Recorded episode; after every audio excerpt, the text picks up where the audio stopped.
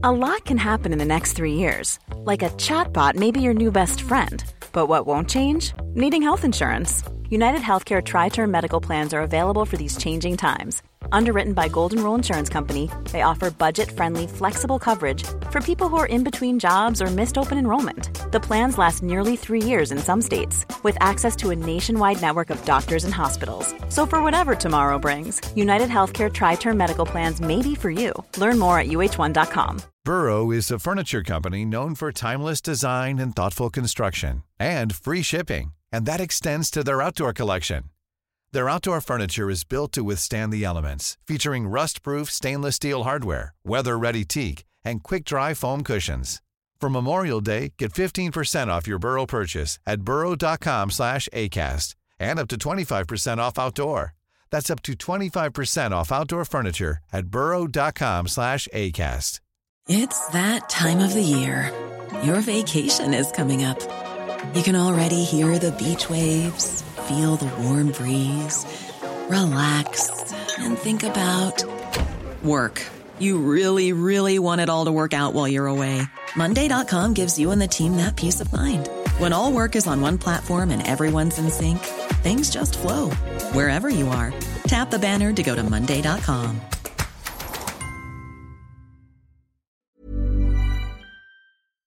Du lytter til en podcast fra TV2. Vi er på et bosted for personer med svære handicap. Manden her er egentlig ansat til at passe på en beboer, der er selvskadende. Men med skjult kamera dokumenterer vores muldvarp, hvad der i virkeligheden foregår på bostedet. Nej, du skal ikke slå dig selv.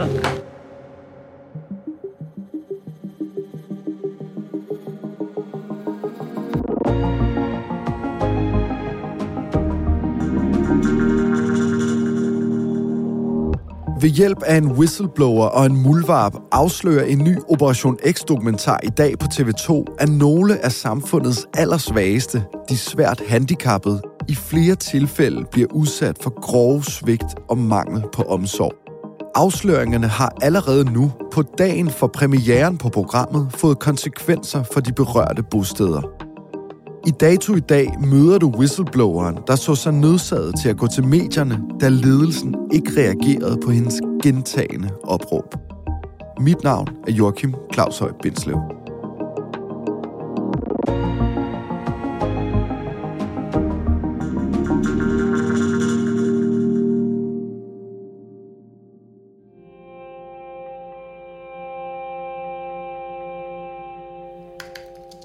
Kære TV2, jeg skriver denne mail i frustration, magtløs og i et nødråb om hjælp. Jeg arbejder til daglig i et bosted for multihandicappede voksne beboere i Lynghuset. I Lynghuset oplever jeg en masse ting, som jeg ikke længere kan lukke øjnene for. I et erhverv med fokus på omsorg er der ikke meget omsorg at finde. Afsenderen af den her mail og stemmen, du lytter til, tilhører Manje Hasso. Hun er 39 år, er oprindelig uddannet tandklinikassistent, men har de sidste knap 10 år arbejdet som omsorgshjælper på bostedet Lynghuset i København. Hvor grænseoverskridende var det at sende den mail der? Det var faktisk rigtig meget grænseoverskridende. Fordi det er en arbejdsplads, jeg har været i så mange år, og, og at jeg så skulle sidde og så skrive, hvad der reelt sker derude, var virkelig hårdt. Fordi der er jo rigtig meget omsorgssvigt derude. Så det var faktisk rigtig meget svært for mig og grænseoverskridende. Vil du ikke fortælle mig, Manje, hvad det er, du oplever de sidste år, du er på Lynghuset, bosted for svært handicappet? Det, jeg oplever, det er, at øh, beboerne bliver efterladt til sig selv. De får ikke øh, daglig personlig pleje, som bad, blæskift. De får ikke den øh, nærvær eller omsorg, som de skal have. De kan sidde i flere timer for sig selv, uden at de bliver aktiveret. Vi kan se, at sidder her med os helt alene. De bliver bare parkeret i en hjørne, og så skal de have lov til at passe sig selv. De her beboere på bostedet, som du har passet på i mange år, Hvor er de henne sådan rent kognitivt? Altså, hvad forstår de? Hvor, hvor aldersvarende er de? De er aldersfarne fra 0 til 2 år. Så det vil sige, at de er jo altså små børn, selvom de er i en voksen alder. Og jeg er jo selv mor, så jeg ved, hvordan jeg skal jo motivere mine børn, for at de skal komme for eksempel op og få et bad, eller få noget at spise. Så vi er jo deres hænder, vi er jo deres øjne, vi er jo deres ører, vi er faktisk hele deres krop. Og hvis vi ikke kan hjælpe dem, jamen, hvem skal så hjælpe dem? Tilbage i 2021 går Manche Hasso på barsel. Kort inden er der kommet en ny ledelse på bostedet Lynghuset, hvor hun har arbejdet siden 2014. Da du går på barsel, hvad er så din fornemmelse med den nye ledelse på Lynghuset? Inden jeg gik på barsel, der kunne jeg godt mærke, at det her, det går skævt ned. Blandt andet bliver to afdelinger slået sammen. Noget, der ifølge Manja Hasso har været forsøgt før, men uden succes. Og allerede der kunne jeg godt se, at det ender galt. Jeg kunne fornemme og mærke, at man ikke blev lyttet til. Det var det, der sådan ramte mig, fordi at jeg har det sådan, en ledelse skal lytte til medarbejderne. Det er jo os, der er på gulvet. Vi ved, hvad der er bedst for beboerne, og hvad der er bedst for trivselen. Da Manja vender tilbage fra Basel halvandet år senere, kan hun næsten ikke genkende sin arbejdsplads. Jeg havde jo glædet mig at komme tilbage på arbejdet, men jeg havde da også hørt rygter om, at det ikke gik så godt, som det var. Men jeg tænkte, jeg vil ind og så se, hvordan det var. Jeg kommer tilbage til et bosted, som, som ikke var, som det var før. Et bosted, hvor, hvor der bliver omsorgsvigtet, som jeg ikke har set før. Jeg kommer til et bosted, hvor jeg kan se, at øh, beboerne de mistrives. Hvor jeg kan se, at beboerne har lukket sig så meget ind i sig selv, at de er nærmest, de ser meget opgivende ud. Og det blev jeg faktisk rigtig ked af, fordi beboerne oppe i Lynghuset kan rigtig meget. De har fået pædagogiske aktiviteter, som der har fået dem til at lære os selv at kunne spise, selv at kunne give udtryk for, at de gerne vil på toilet, eller vil have en blæskift. Og den var der bare ikke mere. Allerede den første uge, der kunne jeg godt se, at de blev svigtet. Og der havde jeg det overhovedet ikke godt med det. Og allerede i starten, der var jeg altså nede og tale med nogle ledere og sige, hey, hvad foregår der lige her? Men de bad mig bare om at skrive en mail. Hvordan er det at gå på arbejde i den tid? Det var rigtig hårdt. Jeg er en person, jeg har aldrig nogensinde taget mit arbejde med hjem, men i den periode, jeg kom grædende hjem. Jeg var så påvirket. Og hver gang jeg tænkte på, at jeg skulle på arbejde dagen efter, der tænkte jeg bare, åh oh nej, hvad er det, jeg møder indtil nu? Hvad er det for en specifik situation, der gør, at du reagerer, du har fået nok? Der var en episode, hvor jeg møder ind og har dagvagt. Og øh, så skulle jeg ind til en beboer, og jeg gør morgenmad klar, og vil gå ind og, og hente øh, morgenmedicin, men der kan jeg jo se på dosisrullen, at aften- og nattemedicin stadig hænger på. Så jeg giver jo slip på alt og løber ned til den beboer for at se, om beboeren har det godt. Og jeg kommer ind til en grædende beboer, der sidder på sin seng, der er fyldt med urin, og hvor det første beboeren siger, jeg troede, I havde glemt mig. Og jeg vælger bare at sætte mig ned, holde beboeren i hånden og sige, mm, har nattevagten ikke været inde hos dig, eller aftenvagten? Så siger beboeren nej. Jeg har hverken fået mad, jeg har ikke fået noget at drikke. Der tænker jeg, nej, nu skal det stoppes. Hvad er det for en situation, vedkommende er i der, og du er i som, som ansat? Jeg følte, jeg havde svigtet beboeren ved, at jeg ikke havde været der. Altså, jeg følte, jeg gik i afmagt, fordi det er jo uværdigt for beboeren, at beboeren skal sidde i sin egen urin, at beboeren skal sidde og græde, at beboeren skal føle sig efterladt. Det, det er da ikke spurgt rart for nogen som helst, og det var da heller ikke rart for mig, at jeg sad der og skulle få den besked, og have den følelse sammen med beboeren.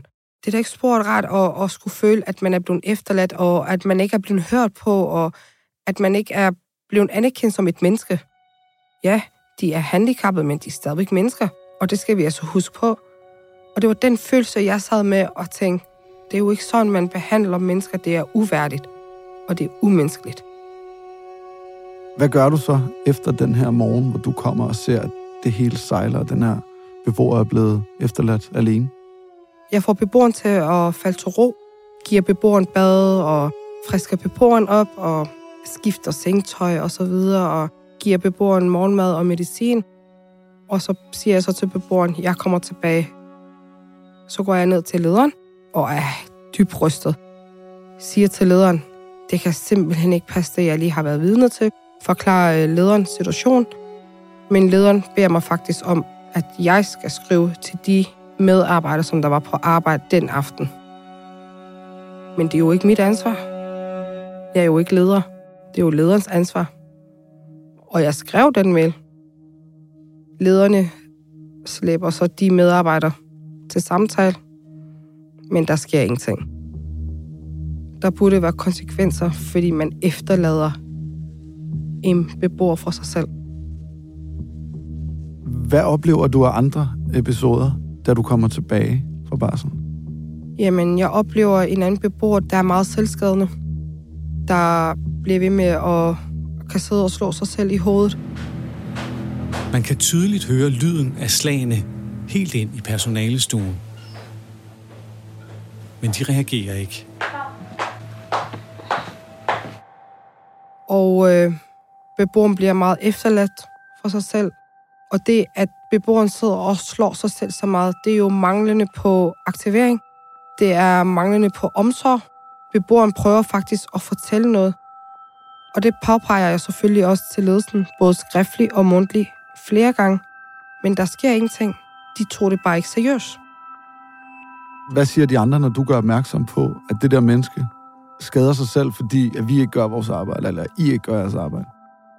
De går jo forsvarsposition, i stedet for at tage viden til sig og sige, jamen, ved du hvad, du har faktisk ret. Eller så siger de til mig, jamen, vi har ikke tid til at gå derind nu, fordi de faktisk er ligeglade. Og det er forfærdeligt, fordi at beboeren må jo ikke sidde og slå sig selv. Når en beboer sidder og slår sig selv sådan her, så burde man som medarbejder gå hen til beboeren og give beboeren omsorg, og så se, jamen, er der noget, jeg kan gøre? Er der noget, beboeren prøver at fortælle mig? For man sidder jo ikke bare og slår sig selv uden en grund. Har nogen grund til at tro, at de ansatte medarbejdere, kolleger, du har, der ikke gør noget som helst, selvom den her beboer sidder bankerløs på sig selv, gør det, fordi de ikke ved, at det er et udtryk for, at de ikke gør det, der skal til? Eller er de bare ligeglade? De er bare ligeglade. De fleste kolleger deroppe, de ved jo godt, hvorfor beboeren sidder og slår sig selv. Beboeren har boet på Lynghuset i syv år. Alligevel kender den erfarne medarbejder ikke årsagen til, at manden slår sig selv. Det er dog dokumenteret klart og tydeligt i beboerens plan på Lynghuset, at selvskade er et udtryk for manglende aktivering. I beskrivelsen af beboeren kan vi læse, at slagene er selvskadende adfærd og udtryk for, at han ikke får en passende mængde stimuli. Han kan give udtryk for behov for aktivitet ved at slå sig selv i venstre side af hovedet. Så det er jo mere ligegyldigheden, der er på spil der. Hvad med ledelsen? Altså, de kan vel høre det der, de kan vel se det der. Altså, hvad gør de, når du siger, hallo, vi skal aktivere det her menneske, ellers så skader den her beboer sig selv? Jeg skrev faktisk en mail i februar, hvor jeg havde faktisk havde fået nok. Og der går jeg ind og skriver specifikt om det problem, hvor jeg skriver, at beboeren er selvskadende og slår sig selv, fordi at beboeren ikke bliver aktiveret og bliver efterladt for sig selv. Og hvad sker der så, efter du har sendt den mail? Der bliver svaret på alt andet end det der. Så det der, det er med i en mail, hvor du påpeger nogle andre ting, og så får du et svar, hvor det der, det ligesom bare bliver ignoreret? Det bliver det. Det bliver fuldstændig ignoreret. Hvad gør du så? Jamen, øh, jeg kommer jo så tilbage på arbejde og bliver ved. Og jeg bliver ved med at klage. Og jeg bliver ved med at klage om selvfølgelig det der med den beboer, og med mange andre ting. Og til sidst kunne jeg bare godt se på ledelsen, at det var håbløst. Der var ikke nogen grund til at komme ned og klage mere. Og jeg sagde det også, og jeg gav også udtryk for, at jamen, jeg får jo ikke noget ved at komme ned og klage. Og jeg følte mig selv som en byrde, hver gang jeg kom derned. Jeg fik sådan nogle mærkelige blik, rullende øjne, hver gang jeg kom ned til ledelsen. For når nu kommer hende der der klager igen. Det lyder som at slå en dyne. Altså, hvordan har du det på det her tidspunkt, hvor du igen og igen og igen påpeger, den er gal. De her beboere har det af helvedes til. Vi hjælper dem ikke, som vi skal. Men jeg har det ikke godt. Jeg har det ikke godt, fordi jeg føler, gør jeg ikke nok for, for de beboere? Og hvorfor bliver jeg ikke hørt på af ledelsen? Altså, I bliver simpelthen nødt til at høre på mig, for ellers går det jo ud over beboeren. Det er jo beboerens trivsel, der den dykker jo markant fra hver dag. Ærligt tal, alle de gange, jeg har været nede og klære, så til sidst, der tænker jeg, skal jeg bare give op? Men hver gang jeg så beboerne, så tænker jeg, nej, det skal jeg ikke. Efter de mange forgæves forsøg på at gå til ledelsen, ender Manji Hasso med at kontakte TV2 for at fortælle om sine oplevelser i Lynghuset. Kære TV2, jeg skriver denne mail i frustration. Det er her, hun sender den mail, du hørte hende læse op fra tidligere. I Lynghuset oplever jeg en masse ting, som jeg ikke længere kan lukke øjnene for. Hvilke overvejelser gør du der, inden at du tager det skridt? Rigtig mange overvejelser. Jeg sætter jo nærmest mit arbejde på spil, men hver gang jeg tænkte på, hvad der foregik derude, så kunne jeg kun se det rette ved, at jeg gjorde det. De stakkels beboere har ikke en jordisk chance for at sige hjælp. Men det har jeg. TV2 ender med at gå ind i sagen og får i den forbindelse en muldvarp ansat på Lynghuset. Vi beslutter at undersøge forholdene på Lynghuset selv. Vi vil dokumentere, hvad der sker. Ja. Hej, øh, jeg har en samtale med... Tak. Udover en jobansøgning og et næsten tomt CV, har vores journalist et skjult kamera med. Hej, hej. Manji, du har jo set den her dokumentar, som er blevet til, fordi at du råbte op. De ting, der bliver afdækket, vi ser selvskadende beboere, de bliver ikke aktiveret, vi ser manglende blæskift. Hvordan harmonerer det, du ser i dokumentaren, med din hverdag? Altså, er det dækkende egentlig? Ja, det er faktisk sådan, som det er. Altså, nu lyder det lidt mærkeligt. Jeg var ikke overrasket over de ting, jeg så, fordi det er noget, jeg har set i virkeligheden, og ikke bare i en dokumentar. Så nej, jeg var ikke overrasket, fordi det var en normal ting i Lynghuset. Selvfølgelig er der jo nogle kolleger derude, der er skide dygtige og gør deres arbejde. Men det var mere normalt, at det var den måde, man arbejdede på. Hvad er så forklaringen på, at det her sker? Det er kulturen derude. Folk er... Altså, der er nogle medarbejdere derude, de er faktisk de, glade. de vil faktisk bare sidde og hygge sig. Det er bare at hive beboeren op, og så kan man sidde og hygge sig med sin telefon, eller sidde og bestille mad, og sidde og snakke om private liv, og, og bruge tiden på det, i stedet for at faktisk gå ind og aktivere en beboer. På en ny vagt sidder eleven, der har fået ansvaret for den selvskadende beboer, igen i personalestuen. De skjulte optagelser på Lynghuset afslører, hvordan særlig en medarbejder bruger meget arbejdstid på at se serier og lave private gøremål, i stedet for at aktivere den selvskadende beboer. Hvad er det? Vikings. Det er jo? Noget, der angiveligt ikke har de store konsekvenser. Den pågældende medarbejder siger også til TV2's muldvarp, at hun bare skal klappe sin computer sammen, hvis der kommer en chef forbi. Hvis lederne kommer op, ikke? Ja. så gemmer man det lidt, du ved, ikke? Men altså, for det er ikke fordi, der er noget overhovedet. Det er ikke fordi, der er nogen, der kommer og peger fingre af dig og siger, hey, det må du ikke, og sådan noget, fordi der er jo ikke noget at lave. Du er direktør i Socialforvaltningen, så i sidste ende, der er ledelsen på Lynghuset og behandlingen af borgerne dit ansvar. Kom det bag på dig at se optagelserne? Ja, det kom ba- meget bag på mig, og jeg blev meget berørt øh, øh, af at se, hvordan øh, nogle af de øh, situationer spillede sig ud, som der var på jeres klip. Vi øh, ved godt, at øh, Lynghuset har været øh, udfordret. Det er klart, at den forrådelse, som vi ser på en af afdelingerne, øh, det, var vi ikke, øh, det var vi ikke klar over, at, øh, at det så, så, så slemt til, og det er selvfølgelig ikke godt nok. Hvordan kan det gå så galt? Ja, hvordan kan det gå så galt? Øh, jeg mener, det er en forrådelse, vi ser.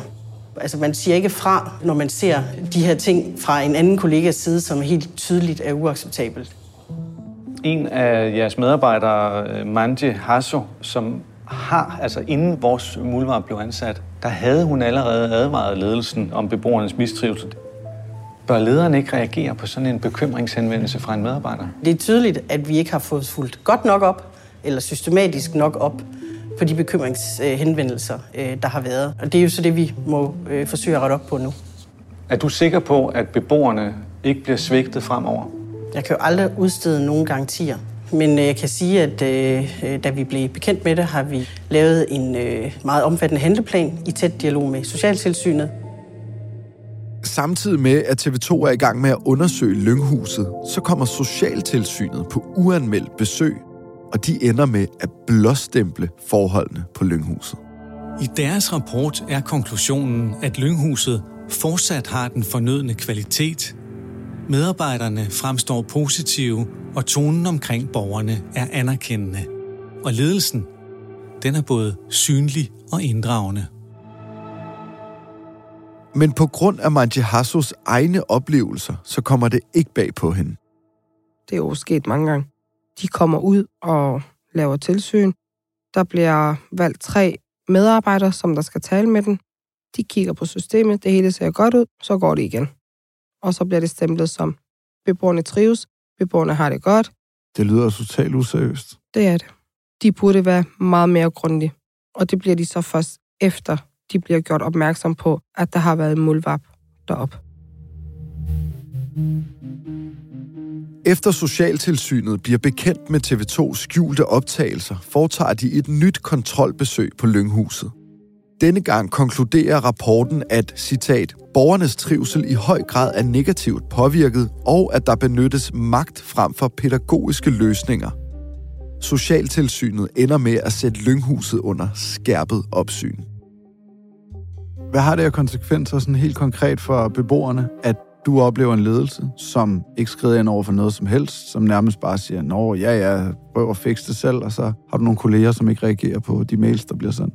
Hvad betyder det sådan helt konkret? Mm, de mistrives. Alle de ting, de kan, det bliver jo frataget fra dem. De bliver jo omsorgsvigtet, de bliver jo efterladt beboerne, får den følelse af, at vi er faktisk ingenting værd. En af eksperterne beskriver, at hvis sådan nogen som du og jeg, Manje, vi gjorde det over for vores børn, så ville de blive fjernet af staten. Det er vel det mest klassiske omsorgsvigt, og ikke skifte en blæ. Hvis du har børn hjemme selv, og du ikke skifter blæen, så kan du få fjernet dine børn. Her er vi i en situation, hvor det er staten, der skal passe på nogen, der ikke kan særlig meget selv. Jamen, det er absurd. Altså, det er jo vanvittigt. Det er mangel på empati. Det er mangel på menneskelighed. Altså, som du selv siger, hvad nu, hvis vi gjorde det over for vores egen børn? Jamen, vi fik jo dem fjernet. Hvad håber du, at der kommer ud af det her? Altså, meningen med den her dokumentar, det er også bare, at det skal være en øjenåbner for andre bosteder. Fordi vi er jo mennesker, vi kan jo fejle, men måske kan de åbne øjnene for hov. Måske har vi også noget af det her, og vi så kan rette op på det. Fordi det er et område, som faktisk ikke bliver set. Og så er det bare vigtigt, at der kommer mere fokus ind for den område. Så jeg håber bare, at i senere hen i fremtiden, at der vil være mere fokus ind fra bosteder med udviklingshemmede og handicap. Held og lykke med det hele i hvert fald, Manja Jo, tak skal du have, og tak fordi I gad at høre på mig. Ja, tak fordi du ville komme forbi og fortælle. Selvfølgelig. Socialtilsyn Hovedstaden ønsker ikke at stille op til interview, men tilsynschef Dan Holmgren skriver i en mail. Det ærger os som tilsyn, at vi ikke allerede fra start fik øje på de væsentlige problemstillinger, der senere viser sig at være. I den konkrete sag havde vi ikke modtaget underretninger eller whistleblowers, og der var ikke noget under selve tilsynsbesøget, som gjorde os bekymrede for kulturen i tilbuddet. Husk, at du kan se dokumentarprogrammet Operation X Nødråb i natten lige nu på TV2 Play og i aften kl. 20 på TV2. Dagens program er tilrettelagt af Emil Laversen, Ida Skjærk står for Lyddesign, Astrid Louise Jensen er redaktør, og mit navn er Joachim Claus Høj Bindslev.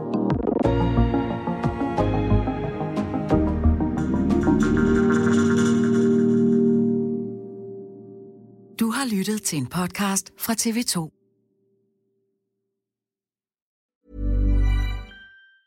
Planning for your next trip? Elevate your travel style with Quince. Quince has all the jet setting essentials you'll want for your next getaway, like European linen, premium luggage options, buttery soft Italian leather bags, and so much more. And it's all priced at 50 to 80% less than similar brands. Plus, Quince only works with factories that use safe and ethical manufacturing practices. Pack your bags with high-quality essentials you'll be wearing for vacations to come with Quince. Go to quince.com slash trip for free shipping and 365-day returns.